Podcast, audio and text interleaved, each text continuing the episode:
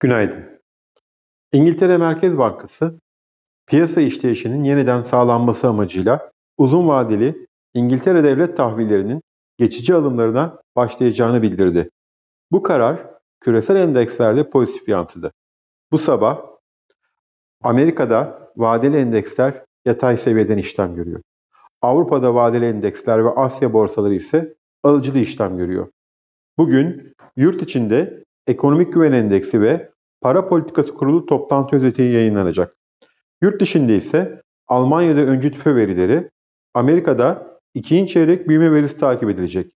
Biz için bu sabah yurt dışı piyasalara paralel alıcılı bir açılış bekliyoruz. İyi günler, bereketli kazançlar.